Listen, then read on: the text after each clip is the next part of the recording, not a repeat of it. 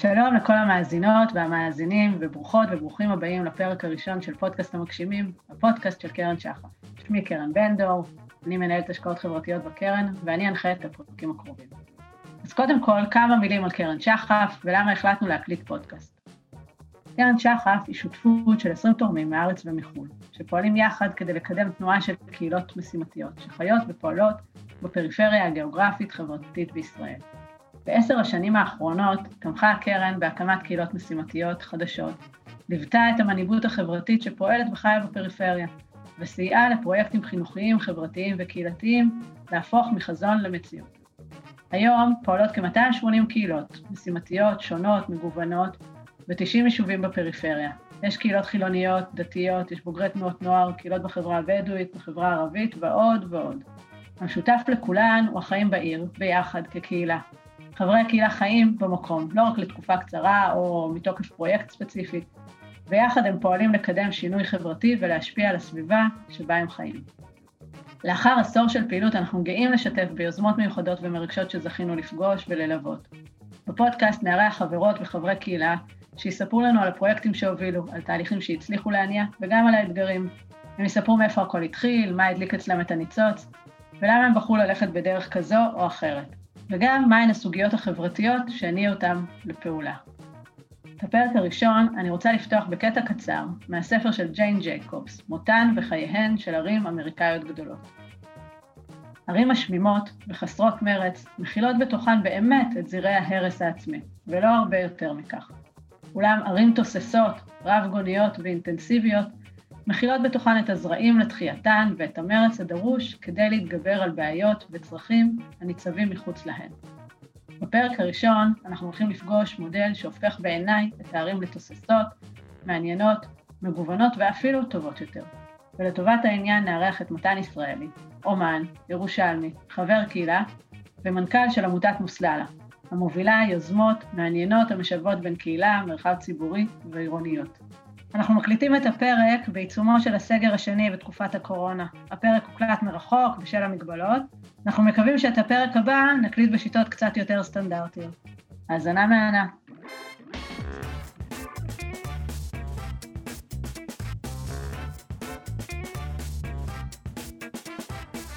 היי מתן, בוקר טוב. בוקר טוב, קרן. מצוין.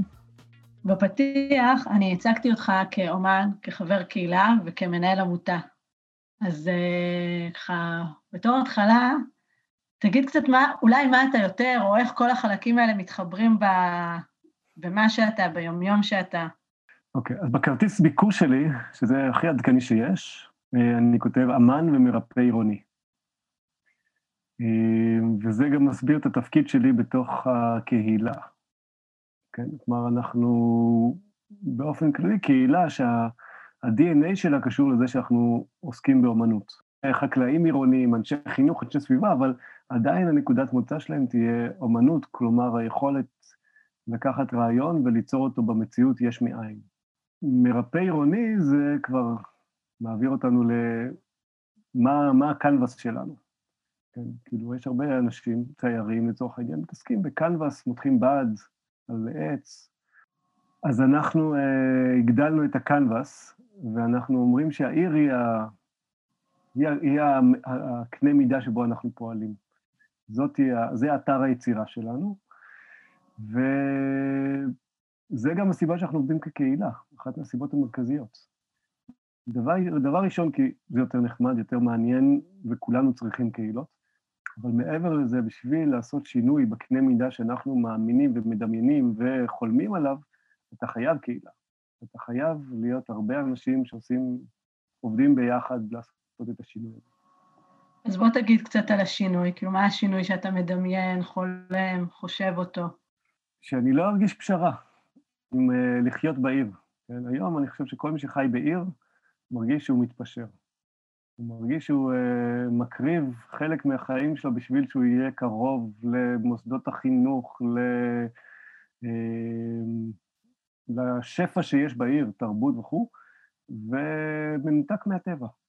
כן? ואז כשאנחנו צריכים להתמלא, אנחנו uh, לוקחים סופש בצפון, בדרום, לא משנה, בטבע, או יוצאים לזה טיול. אני רוצה שזה יהיה גם וגם. שנמצא את הדרך השלישית הזאת שמחברת בין העיר והטבע באופן שאני אגיד, מושלם לי, עובד. זה בדיוק מה שאני, כאן אני רוצה לחיות, פה אני רוצה לגדל ילדים, ואני לא ארגיש פשרה. ואני יכול להגיד שעכשיו מצאתי את זה, כאילו בחיי הפרטי מצאתי את זה, ואני יודע שזה אפשרי. איך זה בא לידי ביטוי בפעילות של הקהילה, של העמותה? אנחנו בעצם לקחנו על עצמנו להפריח מה שנקרא את שממת הגגות, כן? כלומר, אם אנחנו מסתכלים היום על עיר, כל עיר גדולה, אה, ובמבט הציפור, במבט מלמעלה, אז אחרי שאנחנו מתלהבים מזה שרואים את הכל מלמעלה, אנחנו מסתכלים, מה, מה בתכלס רואים שם? רואים שם, שם שממה. יש שם גגות על גגות ואפור, או לפעמים אדום, אבל זה, זה ריק, זה מת, אין שם חיים. אז אנחנו לקחנו על עצמנו לקחת את המישור הזה ולהצית בו, בעזרת הדמיון, את כל מה שחסר בעיר.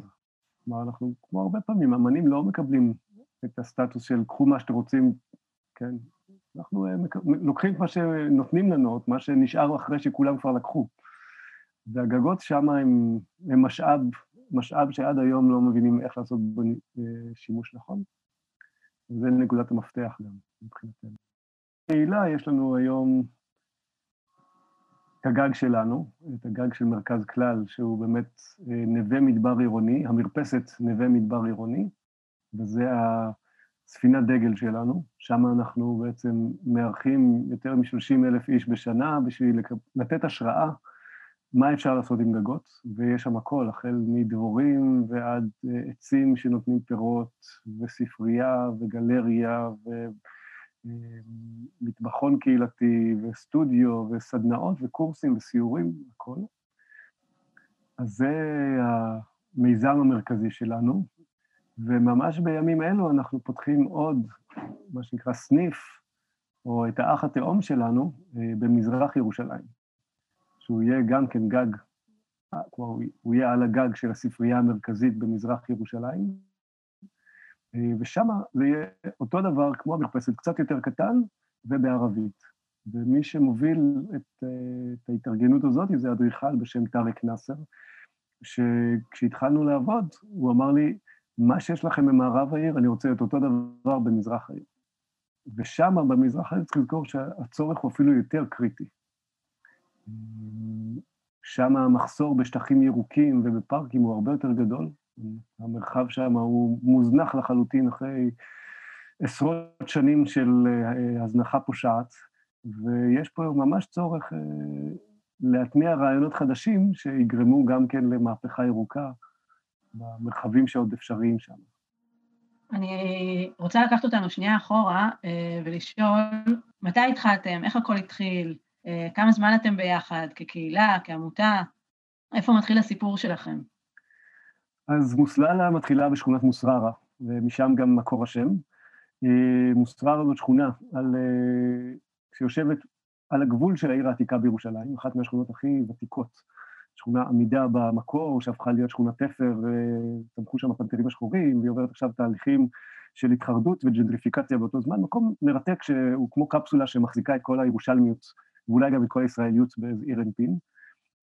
אה, ומה שאנחנו יצרנו שם זה מסלול, זאת הייתה תחילת הדרך של מוסללה, לייצר מסלול של אמנות במרחב הציבורי.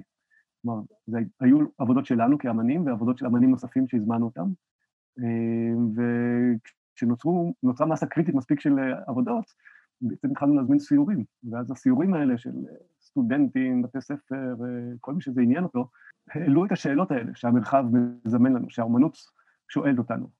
כן, שאלות של בעלות ושאלות של גיאוגרפיה ופוליטיקה וזהות ויחסים בין אה, קבוצות כוח בתוך החברה וכו'. אה, אז כל הדבר הזה היה הבסיס שלנו. בשלב מסוים קיבלנו גם אה, מקלט מהעירייה. כן, דיברנו מקודם שאמנים לא מקבלים את מה שהם רוצים, מקבלים מה שנשאר, אז קיבלנו איזה מקלט. אז בתוך המקלט הקמנו לנו סטודיו לעבוד בו. מהר מאוד הבנו שאנחנו עובדים בו ממש מעט, אנחנו בעיקר עובדים במרחב הציבורי. אז החלטנו לפתוח אותו, וככה נולדה בעצם הסדנה, הסדנה לעץ, הסדנה לנגרות שלנו, אמ, שאולי נדבר עליה בהמשך, אבל היא אחד מהמודלים שאנחנו באיזשהו מקום מפיצים היום בעולם. על הגג של הסדנה אמ, הקמנו גינה קהילתית. כלומר בעצם היה מקלט, היה שטח אדמה שומם מעליו. פשוט הקמנו שם גינה קהילתית, ואז התחלנו גם לשתול ולנטוע ולדבר על קומפוסט ועל איכות סביבה, ועוד כל הצד הסביבתי שבנו יצא החוצה. ושם פחות או יותר ה-DNA של מוסללה התגבש. והרעיון הזה של גגות הוא גם מהדהד, רעיון שעסקנו בו גם בשנים הראשונות של מוסללה, שקשור לטרנספורמציה של שטחי הפקר. מוסרר זה מאוד ברור, יש שם הרבה מאוד שטחי הפקר, השטחים שהיו אה, הגבול בין ישראל וירדן עד 48, עד 67, בין 48 ל-67, ובאמת הפכו להיות אה, אחרי זה כבישים מהירים או חומות, אבל זה ממש ברור שזה שטח הפקר. אנחנו הבנו שהטרנספורמציה שאנחנו צריכים לעשות זה לקחת את שטחי ההפקר, באנגלית זה יותר ברור, קוראים לזה no man's land. אז לקחת את ה-no man's land, שצבוע ב-men, כן, זה באמת שטחים של גברים בעיקר, וכשאישה עוברת שם היא בדרך כלל תרגיש לא בנוח ולא במקומה. והטרנספורמציה עוברת דרך ליצור שטחים שהם all man's land, ו... וזה עובר גם דרך יצירת מרחבים שבהם ההופכי של הגבר ירגיש, ירגישו בנוח. ההופכי של הגבר, אז האישה, הזקן והילד, או החיה, או הטבע, כן, אפשר להגיד. ואז ברגע שאנחנו מבינים שזה הטרנספורמציה שאנחנו צריכים לעשות בכל מרחב, זה פחות או יותר גם מה שאנחנו עושים היום. מייצרים מרחבים, שאנחנו לפעמים קוראים להם גם מרחבים מרפאים, שבהם כולם מרגישים מוזמנים, מקובלים, אין, אין שאלה בכלל מי אתה, כולם, כולם באשר הם מבורכים. אז, אז מתן, אולי בוא תיתן לנו ככה את, ה, את הטיפים שלך או את, ה, את הזיכרונות שלך, איך מתחילים, איך מתחילים בתוך מרחב, לייצר מרחב אה, ציבורי, קהילתי, בתוך מתחם סגור, שיש בו אה, שנים של, אה, של אכזבה או ייאוש, איך, איך, מתחיל, איך נוצרת תקווה? אמ, דבר ראשון, אני אגיד לך שכרגע אה, תקווה היא במקום מעורפל לכולנו, כן? אה, הקורונה השאירה את המרכז הזה עם כמה שאנחנו יכולים להגיד שאנחנו תורמים לו, אבל אפשר להגיד שהיא הקש האחרון ששבר את גב הגמל, המרכז כבר קשה לי להאמין איך הוא השתקם כמו שהוא היה, כך שיש פה באמת סימן שאלה, ואני מדבר עליו תכף גם בהקשר אחר של תוכנית שאנחנו מקדמים. אבל בגדול אנחנו הבנו שאנחנו צריכים פשוט להיות הפארק של הקניון, כן? המקום שכל מי שמגיע למרכז עולה אליו למעלה ומרגיש, וואו, איזה כיף פה. וזה באמת התחושה, כן? כשאתה מוקף בצמחייה ירוקה ובעצים וביצירות אומנות ובמרחב שאתה באמת לא צריך לצרוך כלום, כן? אתה לא מחויב לקנות כלום, זה לא בית קפה שישאלו אותך מה תזמין ויפנו לך את הקפה בשביל שתזמין עוד משהו ותרגיש לא בנוח. אין דבר כזה. יש שם המון ספסלים והמון פינות ישיבה, וכל אחד יכול למצוא את המרחב שמתאים לו, ואפילו לעשות פגישה עם חברים שלו, וכך שאנחנו באיזשהו מקום סוג של השטח המשלים עבור הקניון, כן? אם הקניון הוא הזה הוא אפור, אז אנחנו פורחים וירוקים, כן? אם הקניון הזה לא מזמין, אז אנחנו אה, חיוך גדול של וולקאם, שכתוב בשש שפות גם. למי שלא היה אצלנו, כן, תדמיינו בעצם אה, שכשאתם נכנסים, אתם מתחילים בעצם להגיע, אתם נכנסים למרחב של האירועים הגדולים, אה, של הפסטיבלים, שם נגיד השנה ערכנו את הפסטיבל אבטיחים שלנו, את הבסטה, אה, הבסטה של מעלה, וזה המרחב שבו אנחנו עושים הופעות גדולות מול הנוף של, כאילו מול השקיעה והנוף של שוק מחנה יהודה. אחרי זה ממשיכים יותר לבפנים, זה המרחבים היותר סדנאיים וקהילתיים, שם יש את הסטודיו שלנו ואת החממות ואת ההדגמות של אה, חקלאות הידרופונית ומגדלים פורחים וקירות ירוקים וכו'. וכשנכנסים עוד יותר אחורה, אמ, יש שם את האזור שעכשיו אנחנו מקימים את הקמפינג, אתר קמפינג על הגג, חוויה של לילה על הגג, ובעצם סוג של המקדש נקרא לזה, המרחב שבו עושים אה, פעילות מדיט... מדיטציה או קבוצות קטנות של שיח וכו', ואחרי זה, אחרי זה, שזה קודש הקודשים, ובכלל מגיעים למרכז פרופוליס, שזה הדבור, הדבורים הביודינמיות שאנחנו מגדלים על הגג, אה, וזה ממש לפגוש את, ה, את הפרא על הגג. כך שיש איזה מין גרדיאנט אה, כזה, זה, זה מסלול שהוא מתחיל מהציבורי, אל הקהילתי, אל הפרטי ואל האינטימי. בתוך כל הדבר הזה גם יש קהילה שלמה שנוצרה שבאיזשהו מקום כל אחד ממקם את עצמו, יש את זה שגר שם על הגג, ויש את אלה שמקימים עכשיו את החממה, וכל אחד והפרויקט וה baby שלו, וביחד נוצרה שם קהילה שמגדירה את עצמה סביב הגג הזה. כמה אנשים חברים בקהילה? שהם כאילו בקהילה הרחבה, שבעצם אה, נוצרה מסביב והתגבשה מסביב לגג? אז בכל מוסללה אפשר להגיד שאנחנו סביבות ה-50 איש כרגע. וזה מספר שהוא כמו מין אקורדיוני כזה. יש רגעים שיש יותר, יש רגעים שיש פחות. אנחנו אה, אומרים תמיד שההצלחה של קבוצה היא כמו, אה, נמדדת כמו מגנט שהיא מייצרת. אני אגיד ככה, אם יורשה לי בזהירות, להגיד שלכל מי שלא היה, אני ממליצה בחום, אני כל פעם שאני מגיעה לביקור, אני אה, יוצאת משם מאושרת יותר ומלאת תקווה, ובאמת אחד המקומות המרשימים שאפשר לבקר בהם. הזכרת קודם, מתן, את ההתפתחות שלכם מאומנים להשפעות של סביבה, אז כאילו, שנייה אני רוצה להתעכב על זה ולשאול, באוגוסט 2018 אה, בעצם אנחנו פוגשים לראשונה את, אה, את גרטה, גרטה טונברי, אה, ששמה את משבר האקלים כאילו בפרונט ובפנים של הרבה מאוד אנשים ובכלל בתודעה החברתית. איפה זה פוגש אתכם, את הפעילות שלכם, את התפיסות שלכם? אני חושב שהרבה שנים אנחנו כבר באיזשהו מקום פועלים ביחס למשבר האקלים, כן? אני חושב שגרטה מה שהיא עזרה זה להפוך את זה שלא נרגיש מוזרים, כן? כאילו, תמיד היינו צריכים להצדיק את עצמנו, למה סביבה ולמה זה חשוב, וסביבה זה תמיד היה אלה שבכל דיון נותנים להם לדבר, אבל לא ממש מקשיבים להם, כן? כי זה לא כלכלה, וזה לא קהילה, וזה לא חברה, ובסדר, מה אתם רוצים? עצים, בסדר, יופי.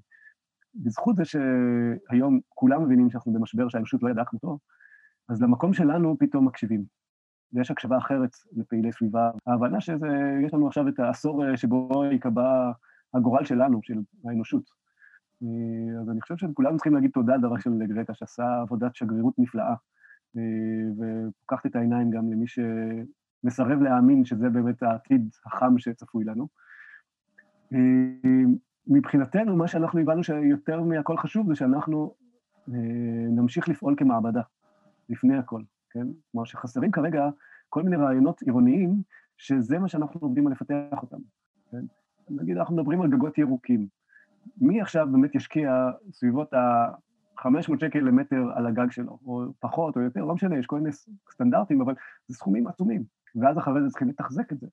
והרבה מאוד מהגגות בכלל לא נבנו בשביל זה וכו'.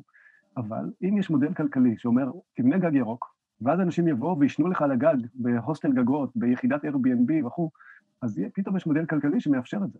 אמ, ואז זה ישתלם לעשות את הטרנספורמציות האלה שאנחנו מבקשים מאנשים לעשות בחיים שלהם, כי הם יעשו את זה כי זה ישתלם להם. כשאנחנו מדברים על גגות, אז היום בשיח בעיקר רווח אה, שיח על אה, גגות סולאריים. זה מה שמרביתנו מכירים, אה, שעל פניו זה סופר קלאסי למדינה כמו ישראל, כאילו לרוץ עם זה. אה, אתה יכול כאילו להגיד טיפה, כשאתה אומר גג ירוק, ואיזה עוד שימושים אתה רואה לגגות, כשאתה, שנכון שיהיו פה במרחב העירוני. אוקיי, okay, אז אה, מבחינת מושגים, אז באמת יש גגות סולאריים, אה, שרובנו מכירים אותם, זה כבר נהיה ממש נפוץ. יש גגות ירוקים, שזה גגות שהם בעצם צומחים ומושקים כל השנה ולכן הם ירוקים. אנחנו מדינה שבה אין גשם בקיץ, לכן אם אתה רוצה גג ירוק, הוא חייב להיות גג מושקה. אחרי זה יש גגות חומים, שזה גגות שהם לא מושקים, כלומר שבאביב הם פורחים, בקיץ הם צהובים ובחורף הם ירוקים שוב. אה, וזה גגות שבאמת אה, יש להם ערך סביבתי מאוד גבוה, כי הם בעצם תומכים במינים, במגוון המינים המקומי. מעבר לזה יש גם גגות כחולים, שהם גגות שהתפקיד שלהם זה לווסת אה, מי נגר, בעצם בעקבות משבר האקלים, השיטפונות והירידה של הגשמים הפכה להיות הרבה יותר אה, אינטנסיבית. אנחנו יכולים להיות עם חודש שחון לחלוטין, ואז מבול אחד ששוטף וגורם נזקים ואנשים טובעים וכו'. ולכן חשוב למתן את uh, זרימת מי הנגר, ולכן גגות כחולים, שתדמייני גג שהוא בעיקרון ברובו חצץ, ומערכת של uh, ניקוז, הוא בעצם משהה את מי הנגר בין חצי שעה לשעה על הגג, תלוי בעובי השכבה, ומאפשר למערכת הניקוז העירונית להתמודד עם כמות מים המטורפת. אמ, עכשיו, כשאנחנו אה, בעצם מדברים על אה, תרבות גגות חדשה, אנחנו מדברים על אה, אפשרות שיהיה את כל מגוון הגגות הזה פרוס על פני העיר. כמו שיש לנו תוכנית עירוב שימושים, ויש לנו קצת מסחר וקצת פנאי וקצת מגורים וכו', אותו דבר צריך להיות על הגגות. ויש כמה שימושים קריטיים, כן? אז באמת גגות ירוקים, חומים וכחולים, הם מורידים את הטמפרטורה בעיר, ומאפשרים באמת לחיים לחזור אל הגגות, ולכן יש להם חשיבות עצומה. גגות אה, קולטי שמש, יש להם חשיבות אחרת, שהם בעצם מונעים את הזיהום, שגם הוא גורם לתחלואה וזיהום שהוא הגורם בעצם למשבר האקלים, אה, ולכן גם להם יש חשיבות. ופה אנחנו צריכים למצוא את הדרך, מה שנקרא, דרך הביניים, שמאפשרת גם גגות חומים וגם גגות, את כל, את כל מגוון הגגות האלה, כמה שיותר שיעבדו ביחד, וכמה שיותר שתהיה איזו תפיסה מרחבית. ולכן חלק מהעבודה שלנו היא מול אה, רשויות ומול עיריות, אה, בתכנון של, ה, אה, של המרחב של הגגות. שכיום אין דבר כזה, אנשים פשוט מתעלמים, כן? אין כמעט אין תקנות ואין פיקוח ואין אכיפה ואין סובסידיות ואין שום דבר שיגרום לאנשים לעשות משהו עם גגות, וחייבים שתהיה פה תנועה אקטיבית. אי אפשר להשאיר את זה לאיזה מין פסיביות כזאת שמישהו יעשה משהו, כי זה לא קורה, זה פשוט לא קורה, ולכן אנחנו הרמנו את הכפפה. אז אנחנו, אנחנו מצרפים לשיחה את דוקטור בועז קידר, בועז הוא מנהל מחלקת תכנון בר קיימא ואנרגיה בעיריית תל אביב-יפו. היי בועז, שלום. שלום, שלום קרן. אה, אז אנחנו פה, מתן ואני, אה, והזמנו אותך כי אה, אתה אחד מהאנשים שמעצבים היום את העתיד של העירוניות בישראל. אנחנו מנסים לברר בפרק הנוכחי את הקשר בין עירוניות, קהילה, מרחב ציבורי, תוך איזשהו דגש על הגגות כמרחב לא מנוצל, והבנו שיש לא מעט מה ללמוד מעיריית תל אביב-יפו בעניין הזה, אז, אז נשמח ככה לשמוע את נקודת המבט שלך על איך בעצם שימוש בגגות יכול לסייע בהתמודדות עם אתגרים בתכנון העירוני היום? אוקיי. Okay.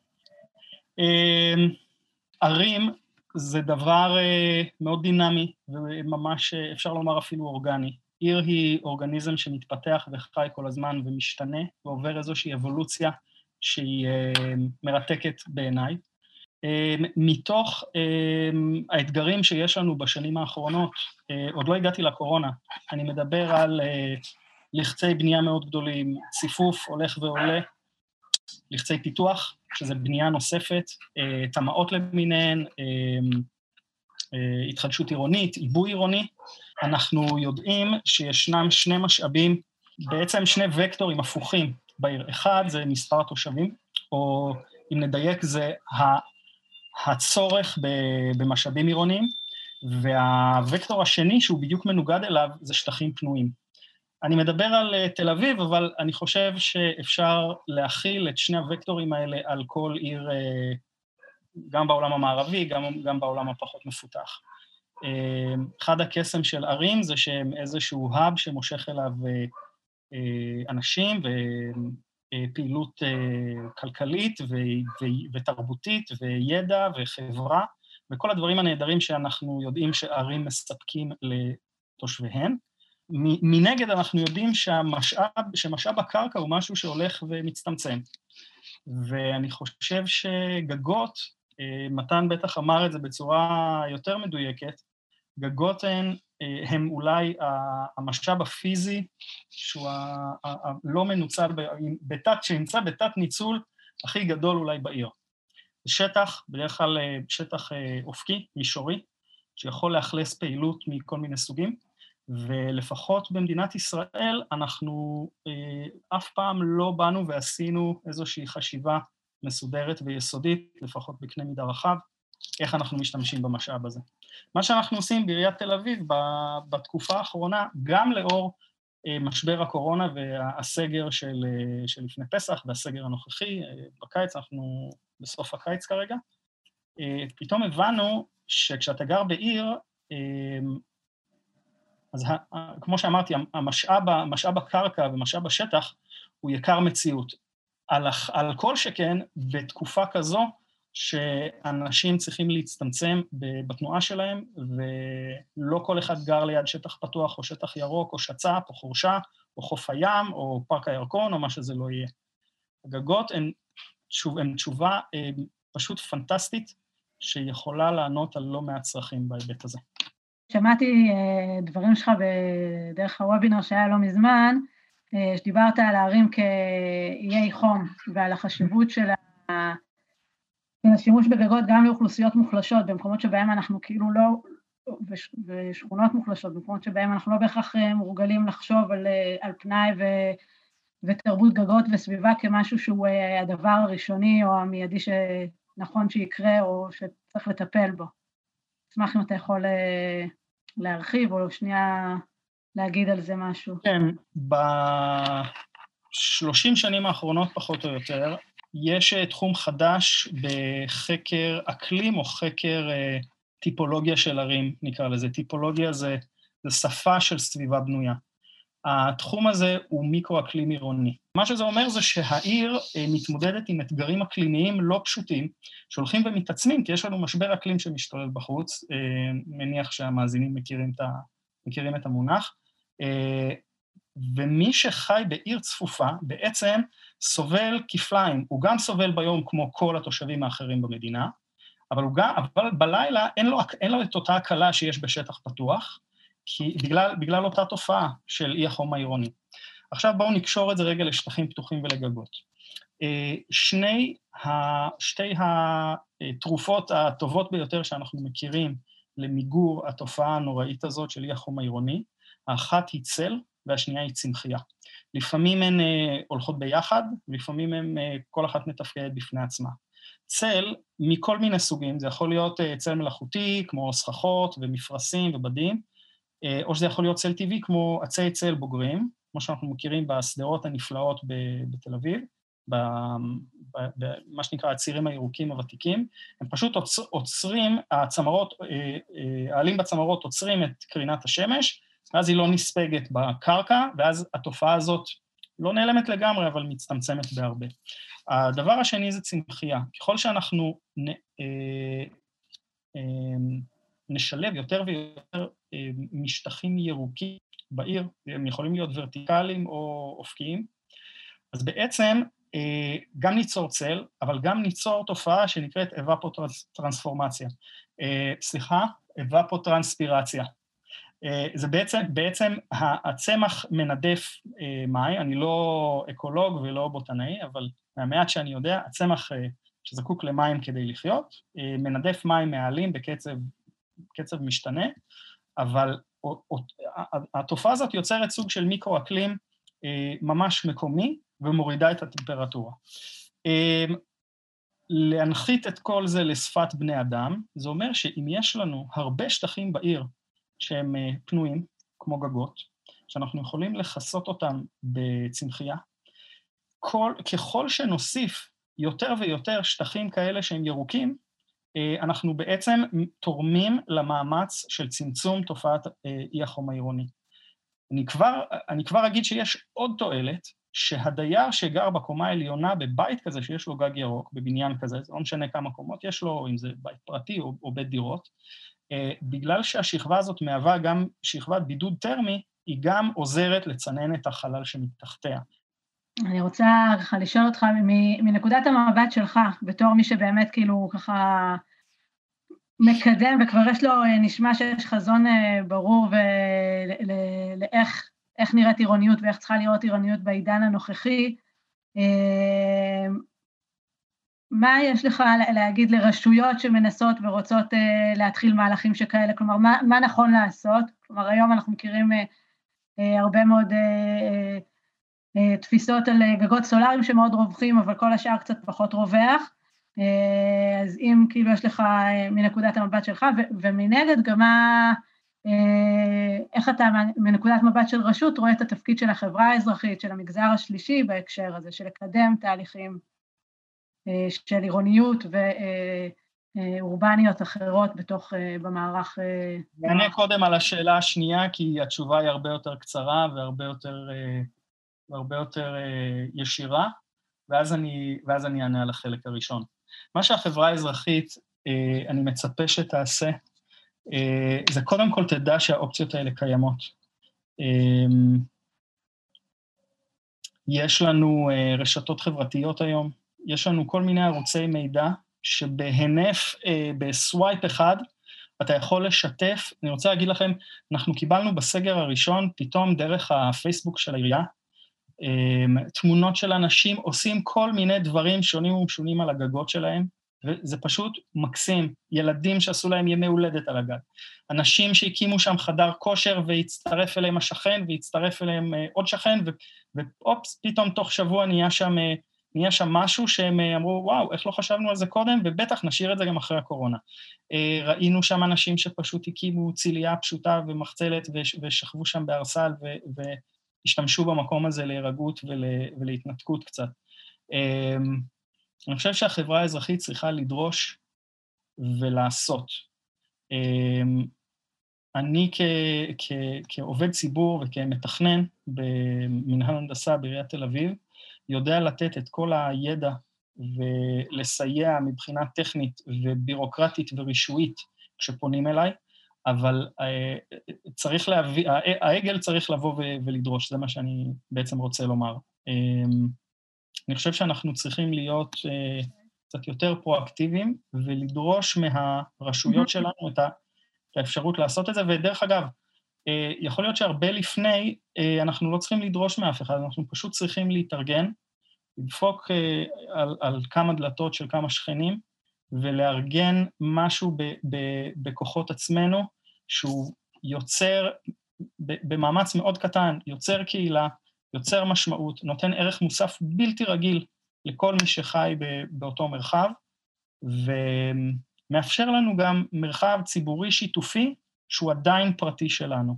כשאני יוצא לגן המשחקים של יד הבית שלי, יש שם אנשים מ, אולי מכל השכונה, אולי גם משכונות אחרות. כשאני עולה לגג בבית המשותף שלי בתל אביב, בדרך כלל יהיו שם רק השכנים, העשרה שכנים שאני מכיר. אני חושב שזה פנטסטי, זה בדיוק התמהיל הנכון בין הפרטי לציבורי. זאת התשובה הקצרה. התשובה פחות קצרה, זה איך, מה, מה, איפה אני רואה את התפקיד של הרשויות. אז גם פה, גם פה יש לי שתי אמירות. אמירה אחת שהיא אה, יותר נחרצת ובוטה, והיא אה, רשויות יקרות ונבחרי ציבור יקרים, אין לנו זמן, אין לנו דקה לשבת ולהתבטל ולחכות למה יהיה ולראות איך זה ילך ולדחות את זה לשנה הבאה ולראות, ועכשיו אין תקציב ועכשיו יש זה. חברים, אין לנו זמן לבזבז.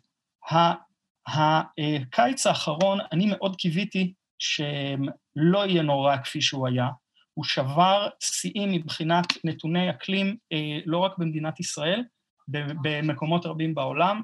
אה, אני קיוויתי שזה ייצור איזשהו זעזוע, אני, אני כן מתחיל לראות אה, מבפנים איזושהי מוכנות מצד ההנהלה הבכירה בעיריית תל אביב וגם ברשויות אחרות, אנחנו בקשר עם לא מעט רשויות אחרות, אגב, שעושים עבודה פנטסטית ואנחנו לומדים גם מאחרים ומשתפים ידע כש, כשצריך.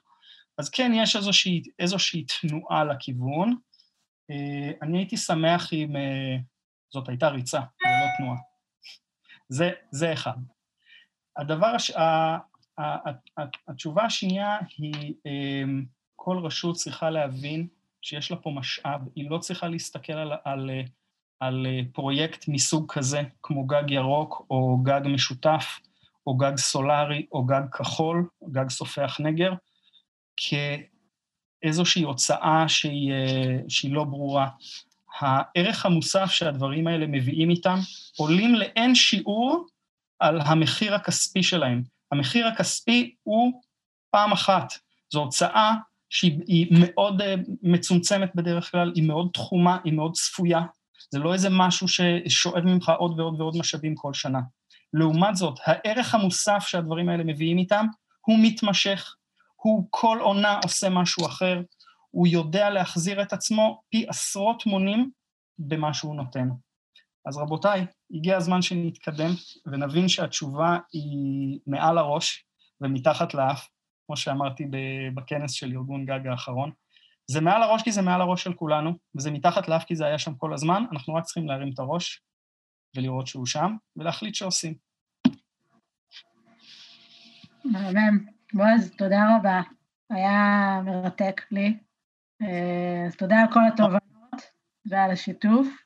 הסתכלתי קצת מה אתם עושים, בית פעילות מבורכת, ראויה ופנטסטית, אז תמשיכו גם אתם. תודה, תודה. מתן, אני רוצה שנחזור לשיחה שלנו ולשאול אותך, אה, אחד ממוקדי העשייה שלכם זה קידום מדיניות הגגות ברמה המקומית בירושלים. אה, אתה יכול להרחיב על, אה, על הקשר שלכם עם הרשות המקומית? עיריית ירושלים, צריך להגיד, היא בסך הכל בעדנו. כן, הייתה לנו גם פגישה טובה עם ראש העיר משה ליאון, וגם uh, הצוות שלו, כולם בעד. Uh, חלק מהעניין שאנחנו באמת בשנת שנת קורונה ושנת uh, אין תקציב ואין אין ואין ואין, ולכן קשה באמת להתקדם.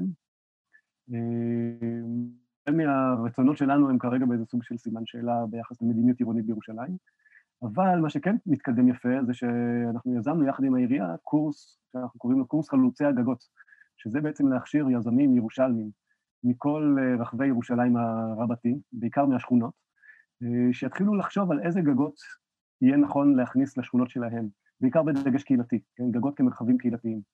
ובאמת, הקורס הזה נרשמו אליו כבר עשרות אנשים, ובעקבות הרעיונות שכבר התחלנו איתם, אנשים נפלאים, ואני בטוח ששנה הבאה כבר יהיו לנו עוד התחלות של גגות בכל רחבי ירושלים, ומפה באמת הדרך באמת להפוך את זה לסוג של טרנד, כן? כמו שהגינות הקהילתיות בירושלים התחילו לפני 30 שנה, והיום יש כבר קרוב ל-100 גינות קהילתיות, אז זה בדיוק מה שאנחנו עושים. אנחנו זורעים את הזרעים האלה שהרעיון של גגות מתפזר הרחק מעבר למרכז העיר, או לגגות של המוסדות הגדולים. מעבר לזה הקמנו את ארגון גג, אה, שזה ארגון של יועצים, שבעצם אומר שרוב האנשים פשוט לא יודעים מה לעשות עם הגגות שלהם. אה, ולכן, אם יהיה מישהו זמין שמגיע אליהם ומייעץ להם ביחסית בזול, שעה, שעה, ואחרי זה נותן להם איזה 1, 2, 3, מה האפשרויות שלך? מאוד פשוט, כן? זה יקל מאוד לאנשים את הדילמה הזאת של... אבל לאנשים יש הרבה מאוד חשש ברגע שהם עולים על הגג. מה יקרה אם מישהו ייפול, בבטיחות, ואם אני אפגע באטימה של הגג וכו'. אבל הדברים האלה בסופו של דבר הם פשוטים, ויש להם פתרונות. כן? אנחנו אה, מין שהצליח להגיע לירח ועוד מעט למאדים. אז לעלות על הגג זה פשוט לנו. אה, ואנחנו צריכים פשוט אה, ללמוד, כמו שאנחנו אה, חוזרים, הרבה מאיתנו היום, בעקבות הקורונה חוזרים לגדל קצת את האוכל שלנו, אנחנו צריכים גם לחזור אל הגג שלנו, כי זה היה חלק מהתרבות במזרח התיכון. אם הולכים לעיר עתיקה, נגיד בירושלים, רואים את זה ממש למו עינינו, איך על כל גג יש שימוש. הגג שמגדלים עליו יונים, וגג שעושים עליו כביסה, וגג שמשחקים עליו, וכמובן מסעדות ובתי קפה על גגות, אפילו ישנים על גגות בעיר עתיקה. וזה בדיוק כמו שאנחנו מאמינים שיחזור, בטח בתקופה שכל מרפסת הפכה להיות ברכה, אז הגגות זה בכלל גן עדן. אז, אה, אז בתכלס, איזה משאבים צריך כדי להקים גג? אם רוצים, אם מישהו שומע אותנו, רוצה לקדם את זה ב, במרחב שלו, מה, מה השנקל שלך? מה צריך? מה זה? אמ, דבר ראשון, אה, וזה באמת, זה השאלה של עומס, כמה מותר להעמיס על הגג. תבררו את זה, תבינו ממתי נבנה בניין, אם יש מהנדס, זה חשוב. כן? בטיחות לא מתפשרים אף פעם, וחס וחלילה לא יקרה. מעקה סטנדרטי, מטר ועשרה, זה מה שצריך, כן? מטר ועשרים גם טוב, לא פחות. זה, כיסיתם את שתי הנקודות האלה, עכשיו מה, כל השאר זה החלום שלכם, כן? וגגות יכולים להיות כל דבר, כל שימוש שקורה על קרקע יש היום על גגות, החל מבתי קולנוע, מיני גולפים, אה, שיעורי יוגה, חקלאות מטורפת, אה, אין משהו שלא יכול לקרות על הגג. אז בסופו של דבר, אחרי שבדקתם את הקרקע, כן, במקרה הזה זה העניין של משקל ובטיחות, יש מקום שם שאפשר לעשות בו כל דבר אחר. אה, מתן, האם אתה חושב שבעתיד אנחנו יכולים לחלום על אה, חקיקה בנושא שתעגן את תחום הגגות, גם אם זה גגות קיימים וגם אם זה גגות חדשים? לגמרי, וזה גם אחת מהכפפות שאנחנו הרמנו ולקחנו על עצמנו לקדם, כולל לכתוב את החוק אם זה מה שנצטרך, ולעבוד עם פורום ה-15 ועם איגוד המתכננים ועם כל מי שמתעסק בנושא הזה ברצינות. אה, כי באמת זה חוק שהוא הכרחי, זה לא רק חוק, זה גם סובסידיות, או בעצם מערך של תמריצים והטבות ופיקוח עירוני. יש פה מערך שלם שצריך לפתח אותו, ואנחנו לא יכולים ללמוד יותר מדי מתקדימים של... כלומר, יש לנו מה ללמוד מערים אחרות בעולם, אבל uh, באקלים שלנו, שהוא uh, שונה מאוד מאירופה או מקנדה, שהן מקומות מאוד מתפתחים, אנחנו צריכים באיזשהו מקום לפתח את, ה, את, הטכניקה שלנו, את הכיוון שבו אנחנו עובדים. אמ, וזה מחייב הרבה מאוד יצירתיות של המערכות העירוניות ושל הממשל, השלטון. אני מקווה שנמצא את זה, כי זה באמת אה, נקודת מפתח. זה מין עיוורון שכולנו לקינו בו, ואני חושב שעכשיו לאט לאט מתעוררים ממנו, וזה הזמן. בשיחה מקדימה אמרת לי שבישראל בונים ערים שלא ראוי לגור בהן. ואני אשמח שתגיד שנייה מה זה ערים שראוי לגור בהן, לדעתך. נדבר דבר ראשון על האדריכלות, כן? האדריכלות שלנו היא נהייתה פונקציה של לשכן כמה שיותר אנשים במחיר למשתכן, בקובייה לבן אדם, עם חומרים שהם לא, לא, לא טובים לנו, כי אנחנו התמכרנו לבטון ולאספלט ולברזל ולזכוכית, שזה חומרים שיש בהם ברמה האנרגטית הם מתים. אם פעם בעברנו היינו חיים בטבע, היינו חיים בסביבה חיה. אחרי זה, כשעברנו לכפר, עדיין היינו יוצרים את הבתים שלנו ממרחבים של אדמה ועץ וחומר חי. אז דבר ראשון, יש פה שאלה גדולה, איך אנחנו בונים את הבניינים שלנו אחרת, כן? לא רק מבטון ואבן וה...